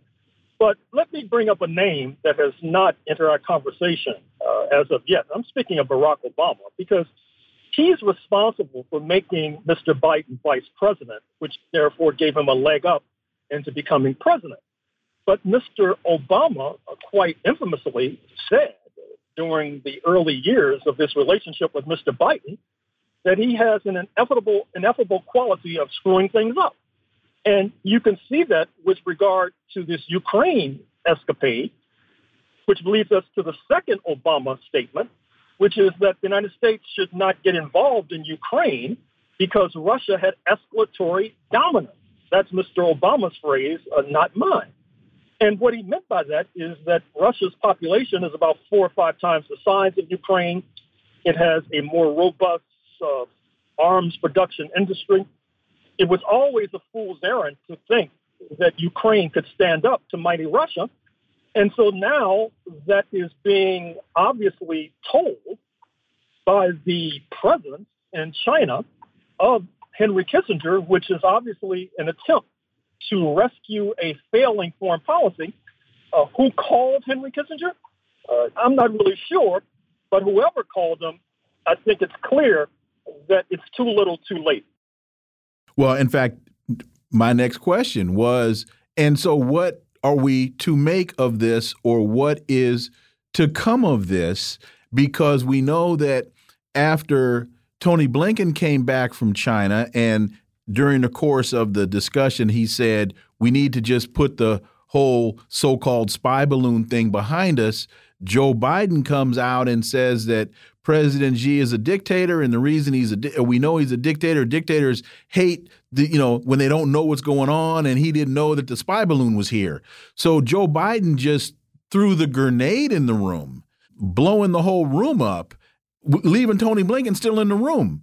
So at the end of the day, especially understanding how how much the United States wants to pick this fight with China over Taiwan, I can see Joe Biden coming on the TV and saying, We even sent Henry Kissinger over there and he couldn't get nothing done. Well, this leads us back to Mr. Obama's statement. That is to say, this unavoidable quality that Mr. Biden has his ability to screw things up. And I don't know if you saw him in the White House yesterday with the president of Israel, Mr. Herzog. Uh, it, it was quite embarrassing, not only for the United States, but for Mr. Biden himself he had in his lap his talking points that he was reading, but he was stumbling over each and every one. And it seemed at one point that he was about to fall asleep. Mm-hmm. I, I kid you not. And so, with regard to who's in charge in the White House, I think that that's the question that we need to ask. I'm not even sure if Mr. Biden is actually in charge. Certainly, Vice President Harris is not in charge because, of course, she exposed Mr. Biden during the 2020 debate by pointing out that he made his bones, he made his reputation by campaigning against busing, campaigning against black people, and then suddenly had to go through this metamorphosis where supposedly he's Mr. Black, black and proud, in fact. And so we are in trouble, and Mr. Kissinger having to be called off the bench or perhaps called from one foot in the grave is evidence of the danger we now face. Former Clinton strategist James Carville warns voters not to fall for the Green Party candidacy of Cornel West, noting that his campaign manager, Jill Stein, is, quote, almost certainly an agent of the Russian government. Here we go again. Now, Cornel West, the Uhuru, I guess next they're going to uh, tie him to the Uhuru movement and charge him too. Your thoughts, Dr. Horne? Well, that was a very unfortunate statement by James Carville. Uh, Jill Stein probably should be consulting her attorneys. Uh, she may want to be preparing legal papers to drag Mr. Carville into court and force him to either put up or shut up. Uh, that is to say, to prove this obviously spurious, specious charge that Jill Stein is an agent of Moscow, or alternatively sue him and, and expect him to pay damages uh, to, to Jill Stein but it's also evidentiary of the desperation of the leading Democrats because I think at the end of the day, perhaps even at the end of this campaign, one of the remarks that we'll remember for years to come, assuming that humanity survives this present crisis, is what Dr. West said. That is to say, you can vote for Mr. Trump and expect civil war, or you can vote for Mr. Biden and expect World War III. Uh, those are the unappetizing choice, choices that are before the electorate, which is one more reason why James Carville has to throw dust in the eyes of the electorate in order to distract him from this very dangerous crisis. And to that point, James Carville said, talking about Dr. West, he seems to be a very seems to be a very charming man, and he's also a menace. The threat of the continued constitutional order of the United States. And I say this because look, Ralph Nader was directly responsible for the election of George W. Bush, which brought this horrific Iraq war. So he's playing all of the tropes. Cornel West is taking votes away from Joe Biden and insinuating all of this. Right. So so he's he's doing every he's using every uh every quip in the book that he can, trying to push every button uh, to to further confuse the electorate. Well, with regard to the 2000 election, you can either blame the U.S. Supreme Court and a very shoddy legal opinion for handing the White House on a silver platter to the Republicans, or you can blame the Democratic candidate Al Gore, who was not able to win his home state. Uh, speaking of mm-hmm. Tennessee, mm-hmm. but in any case, I think that this reflects desperation. And once again, I would point your audience to the website Cornel West 24 because Mr. West, Dr. West, has just issued a rather important statement calling for the abolition of NATO, the North Atlantic Treaty Organization. Uh, right now, I regret having to say that's a very dangerous position to take. It's taken very seriously. And let me announce over the air, and hopefully this message will get to Dr. West. I really do think he should tighten his security because these guys play for keep. Economists blast Menendez for false narrative about crisis in Cuba and Venezuela. More than 50 of the world's top economists have slammed Bob Menendez for recent remarks he made about Cuba and Venezuela. They're saying, basically, he's saying there's no association between economic sa sanctions and the crisis in these two countries. Uh, Dr. Horne. Well, I mean, that's obviously ludicrous. And as you know, uh, Senator Menendez under investigation once again.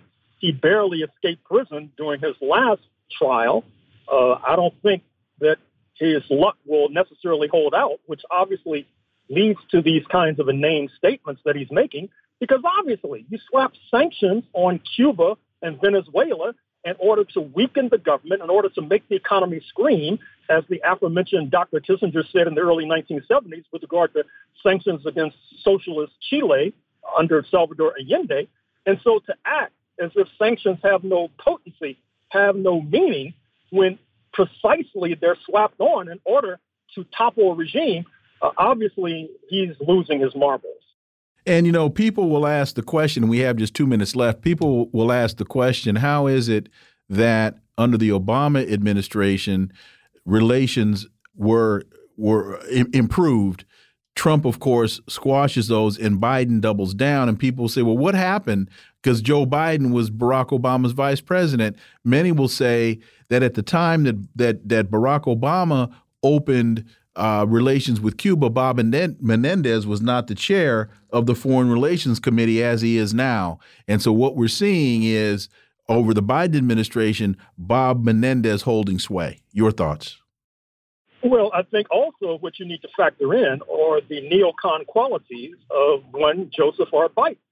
Uh, we see that with regard to his policy in Ukraine. You see that with regard to his harebrained scheme of confronting Moscow and Beijing simultaneously, obviously a fool's errand. And so Mr. Biden has to accept a certain amount of culpability for these policies that are now failing all over the place. Dr. Gerald Horne, as always, thank you so much for your time. Greatly, greatly appreciate that analysis. We look forward to having you back. Thank you. Folks, you're listening to the Critical Hour on Radio Sputnik. I'm Wilmer Leon. I'm joined here by my co host, Garland Nixon. There's more on the other side. Stay tuned.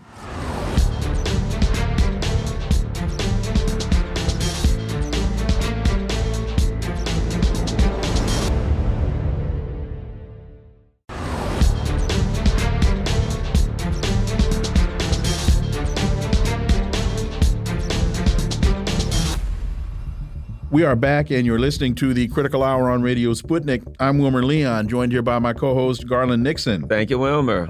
Consortium News has a fabulous piece by Caitlin Johnstone, A World Shrouded in Secrecy. What we don't know does hurt us, Julian Assange said in 2000 in 2010, made a profound point about the bankruptcy of any political theory in our current situation. And folks, this isn't nearly as theoretical as it sounds. For insight into this, we turn to our next guest. He's an American citizen living in Crimea, Regis Tremblay. As always, Regis, welcome back. Well, thank you for having me. Quote, we can all write about our political issues. We can all push for particular things that we believe in.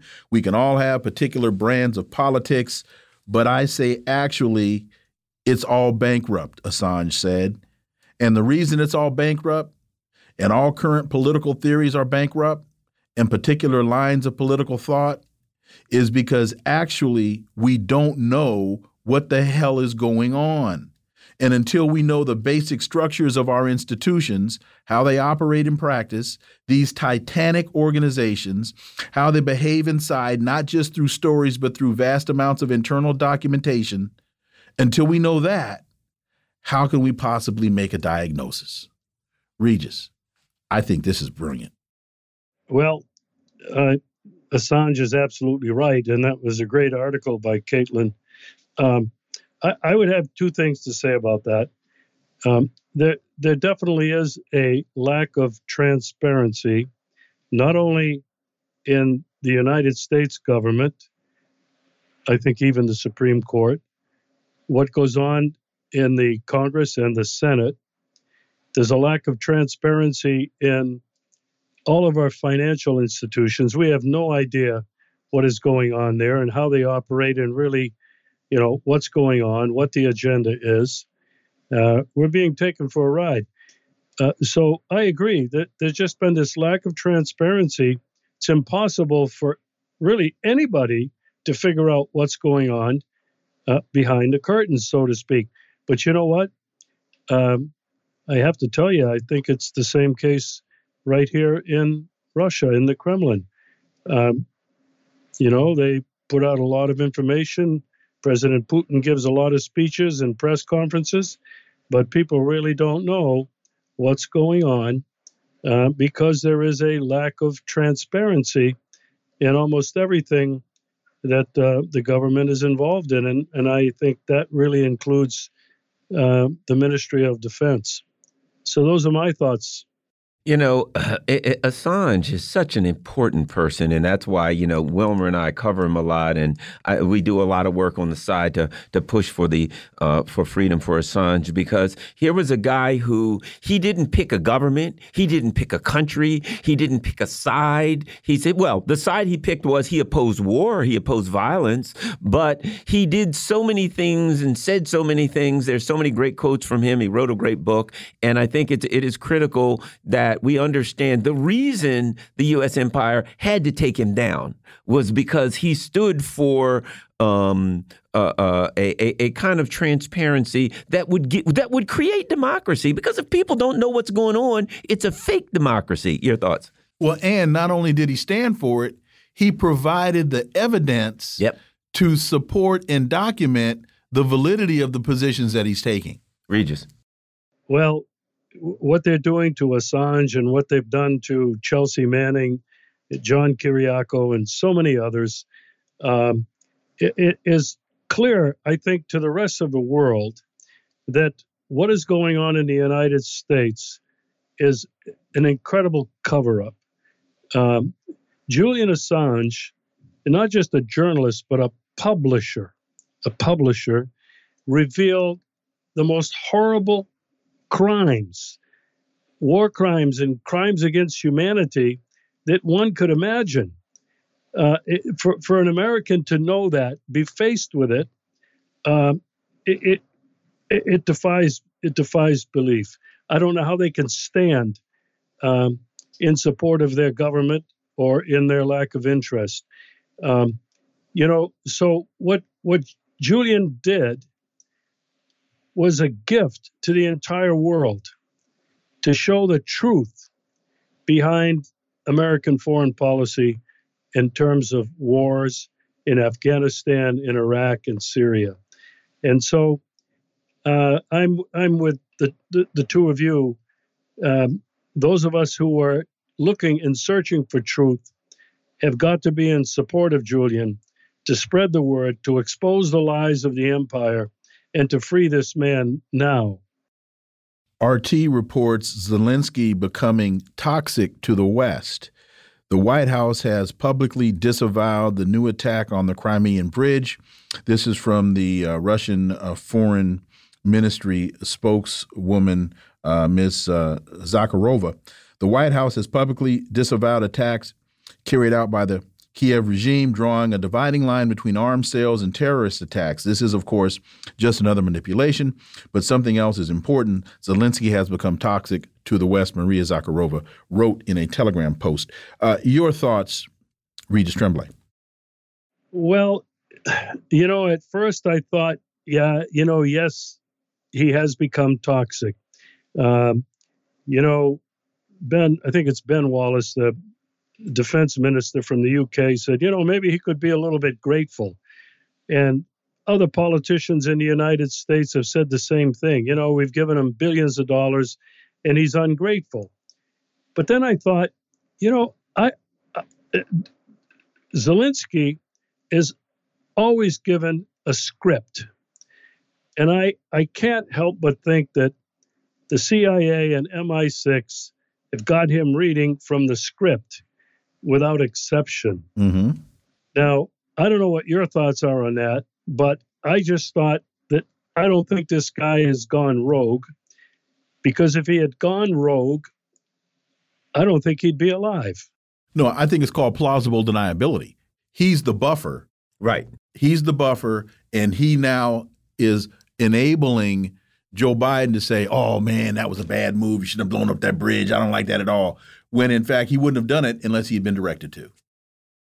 Yeah, no, I, I, I absolutely agree. And I think Russia, and they've stated um, that they believe that uh, MI6, UK, and the United States CIA were probably both involved in this because Ukraine didn't have the technology. Here's my only issue, and my only question I'm just surprised that they didn't try to blame it on Russia. Saying again that Russia blew up its own yeah, bridge. Exactly, they've attacked themselves. Yeah. The, you know, the, and and and uh, not to defend in any way Zelensky. The the word that comes to mind is patsy.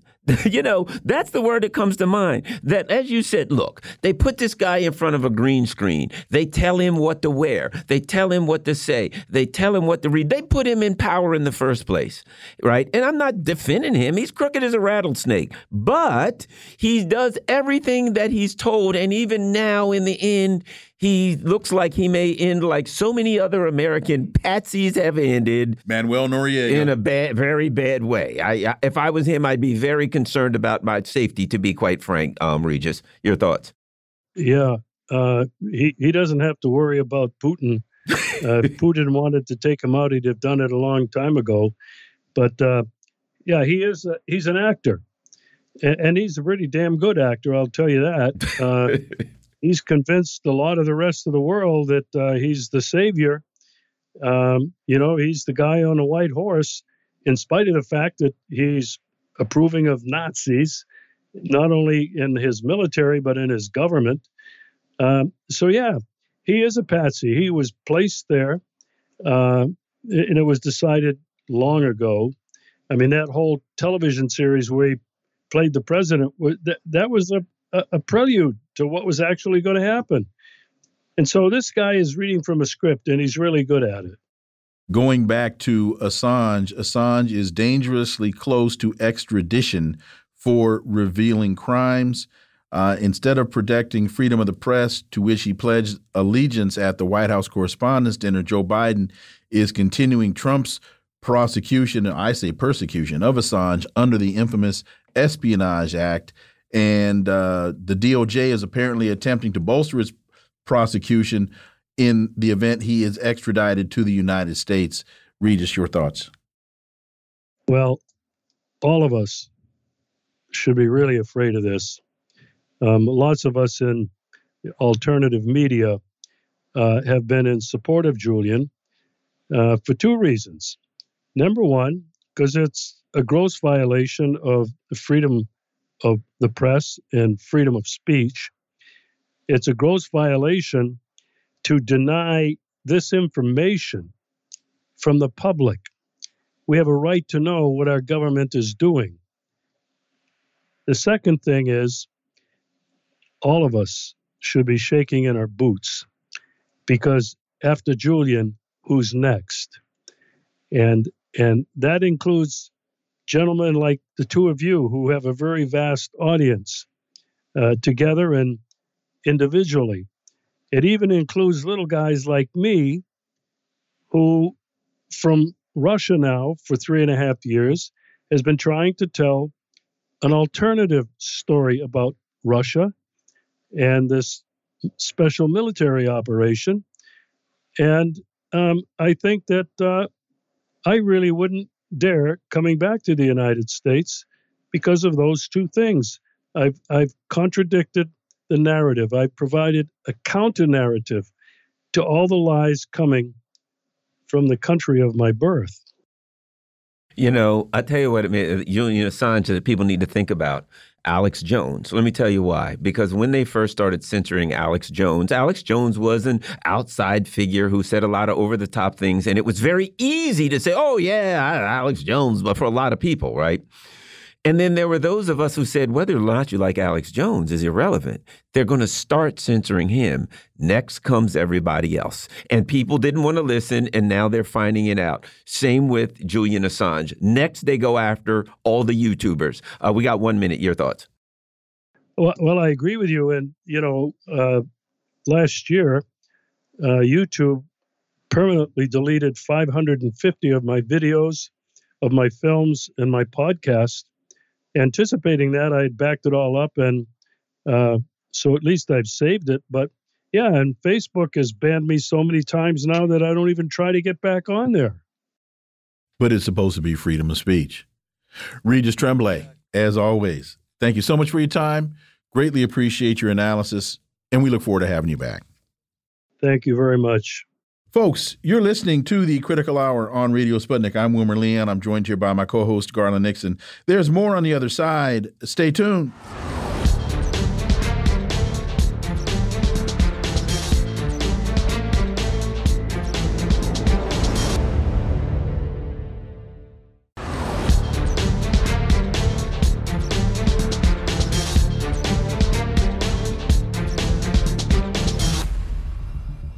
We are back, and you're listening to the Critical Hour on Radio Sputnik. I'm Wilmer Leon, joined here by my co host, Garland Nixon. Thank you, Wilmer. The New York Times reports the hysterical overreaction to Jayapal's quote unquote racist state gaffe.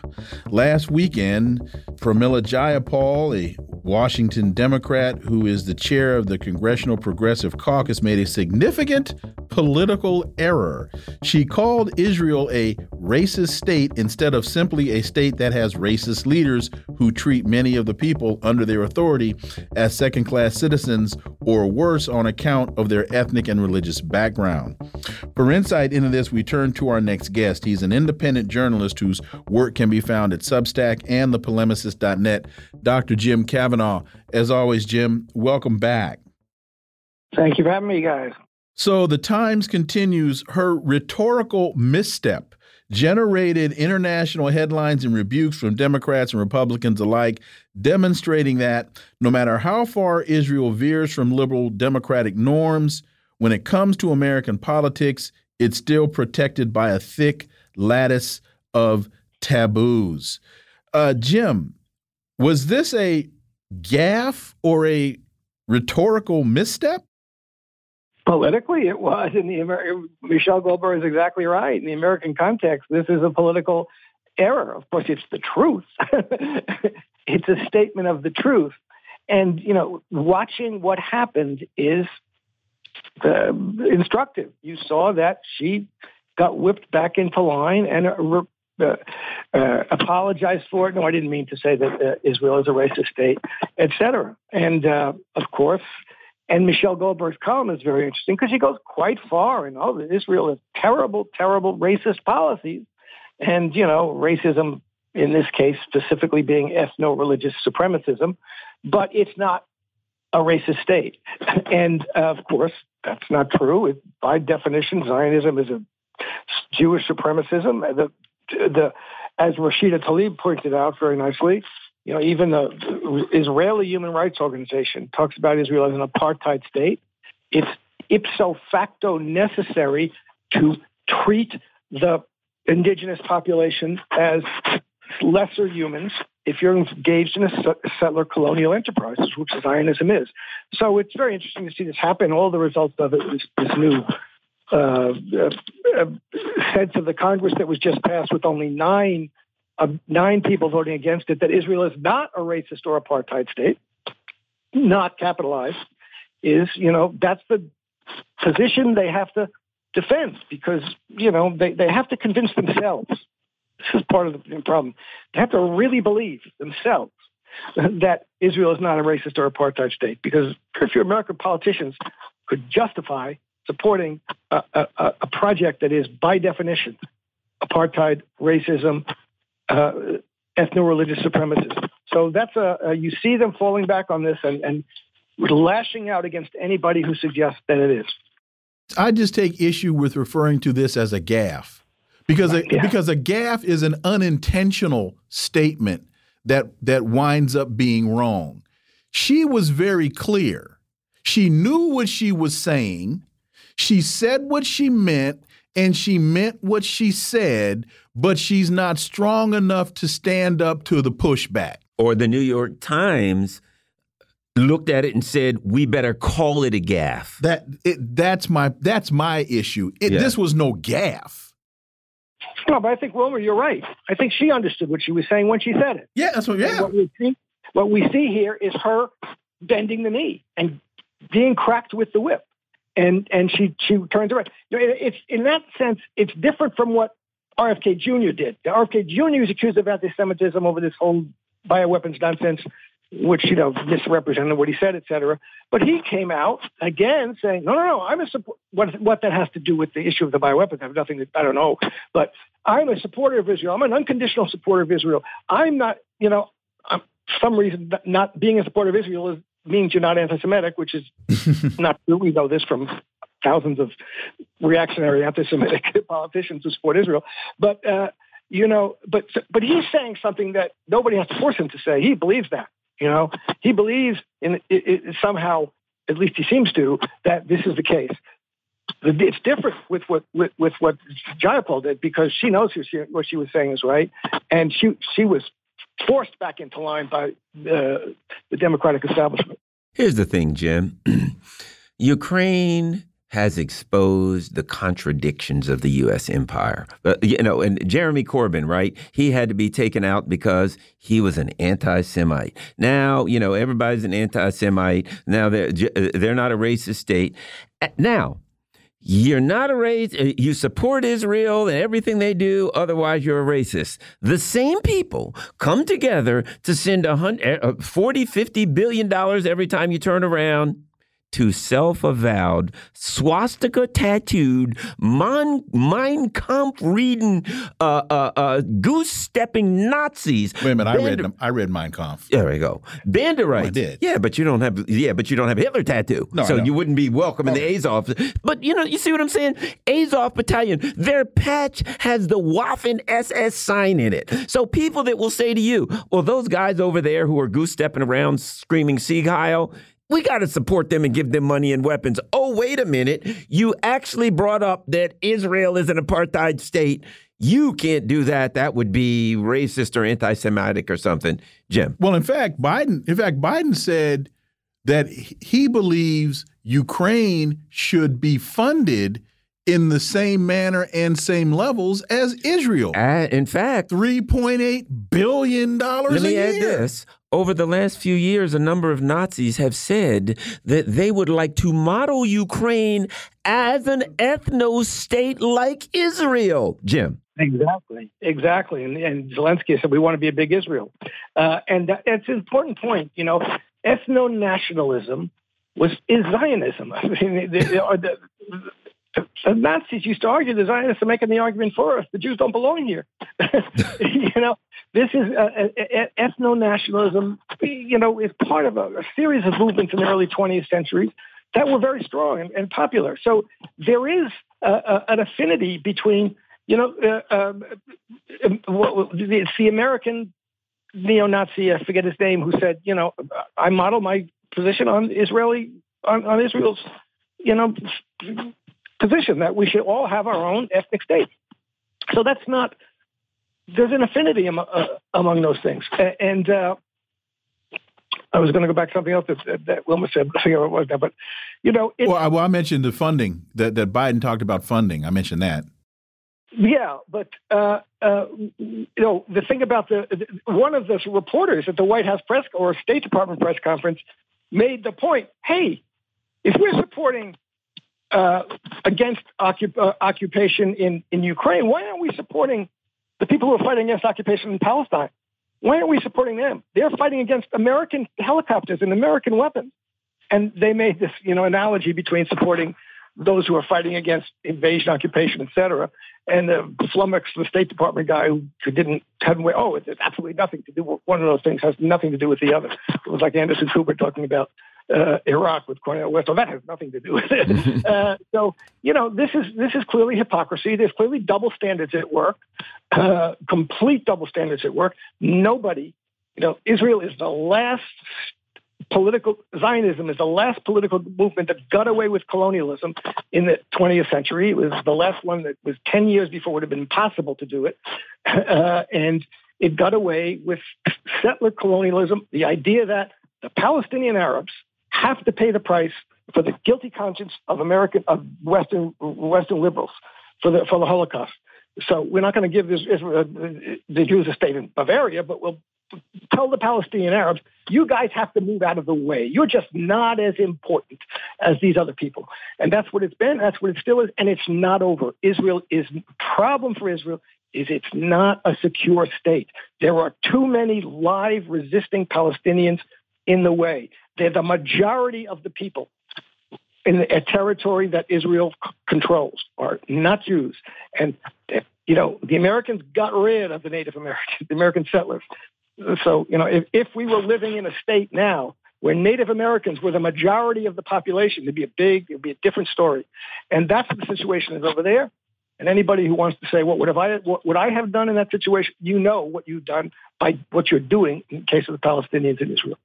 And just to put a, a bow on, around this, and the point of trying to make Ukraine similar to Israel. Isn't that what the Bander Banderites were doing as they were ethno cleansing? The, those in the West were ethno cleansing the ethnic Russians in the in the East.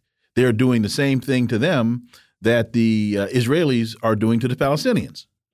Yeah, to the to the people of Donbass, whom they said right. the president of the country got up and said those children will be in their basements, covering hovering while our children will be going to school. They treated them as lesser human beings, non-human beings, and uh, they were proud of it. And they, it's all over the place. You can read it all, just like Rashida Tlaib said about the uh, the Zionist leaders talking about the Palestinians. You can find that the leadership of uh, Western Ukraine talking about the Donbass people. The Hill reports some tech industry titans are praising and fundraising fundraising for the presidential campaign of Robert F. Kennedy. Now, here's the interesting thing, and they finish the sentence: a candidate known for spreading conspiracy theories about vaccines and COVID nineteen. It is obvious that the mainstream media. Speaking for the system, does everything they can to stop him, and that ain't what they're concerned about. They don't like what he said about Ukraine. Your thoughts? Yeah, they don't like what he said about Ukraine. They like what he said about former captured agencies, et cetera. Uh, and this conspiracy theory meme uh, trope comes comes in all the time to tell you what you're supposed to think about this, which is dismiss it, or this person dismiss it. You know, but it is interesting here. This demonstrates one of the things I've said is that Kennedy is a reformer, not a radical. He's not a revolutionary. He's going to get a base of support from ruling class elite, financial elite of the United States who have who agree with him on issues that are important, whether it's vaccine safety, health safety, pharmaceutical safety, environmental toxins, et cetera, or Ukraine and why, why we shouldn't be going to suicidal war in Ukraine. Uh, but he's not going to revolutionize the system, and that's why he's going to get support from billionaires. And it's why he's going to hang around and why he's potentially, you know, a, a, a, a winner here in some some respect. Joe Biden fell asleep the other day. you know, he was talking in his sleep practically with uh, uh, the president of, of Israel. He's not going to be the, the Democratic nominee.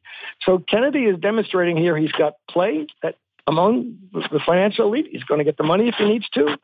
And at the same time, they won't stop doing this. They won't stop ridiculing him. The, the, the, they're, they're boxing themselves into a corner where they they're looking stupid and they're going to have to refuse him. They're going to try and they try to prevent him from being a witness tomorrow at the, at the in a hearing. I mean, it's just ridiculous. So they're they, they're demonizing him and ridiculing him and trying to isolate him. It's not going to work, but uh, it's going to make it very difficult for them to turn to him, even if they need to, which they do. They're going to need to turn to someone like him to save their butts. Do you see parallels at this stage of the process between Kennedy's campaign and Barack Senator Barack Obama's first campaign? And what brought this what brought this question to mind is they're talking about this San Francisco fundraiser where they raised all this money, and it just made me think about the there were 75 guests at this San Francisco event, and it just made me think about the the, the time that Obama was recorded talking about it's the people in the Midwest who turn to their guns and turn to their God, and yeah. xenophobia and all that kind of stuff. We got one minute. Your thoughts? Well, uh, you know, I think, uh, as I said, uh, Kennedy is a candidate like Obama, which, which he's an outsider, but he's the outsider they need in some respect. On the other hand, Obama and Hillary certainly did try to trash Obama. She put out the pictures of Obama dressed in his Muslim garb or his mm-hmm. Indonesian garb, et cetera. Uh, but the media as a whole and Democratic the, aligned media and the Democratic establishment as a whole was ridiculing and vilifying Obama as they are RFK. And if they keep doing it, it's going to be very difficult for them to turn to him as they did to Obama. But Kennedy, like Obama, is the only one who can re- make an effort to restore the credibility of the United States as a brand in the world. Uh, uh, okay. Is it, will be interesting. It, it'll be interesting to see also if at the end of all of this, Kennedy flips like Bernie. But time will tell. Dr. Jim Kavanagh, as always, thank you so much for your time. Greatly appreciate it. We look forward to having you back. Thank you. Folks, you've been listening to the Critical Hour here on Radio Sputnik. Thank you for allowing our voices into your space. On behalf of myself and my co host, Garland Nixon, we hope you were informed and enlightened, and we look forward to talking with you all right here tomorrow on Radio Sputnik. Be safe. Peace and blessings. We're out.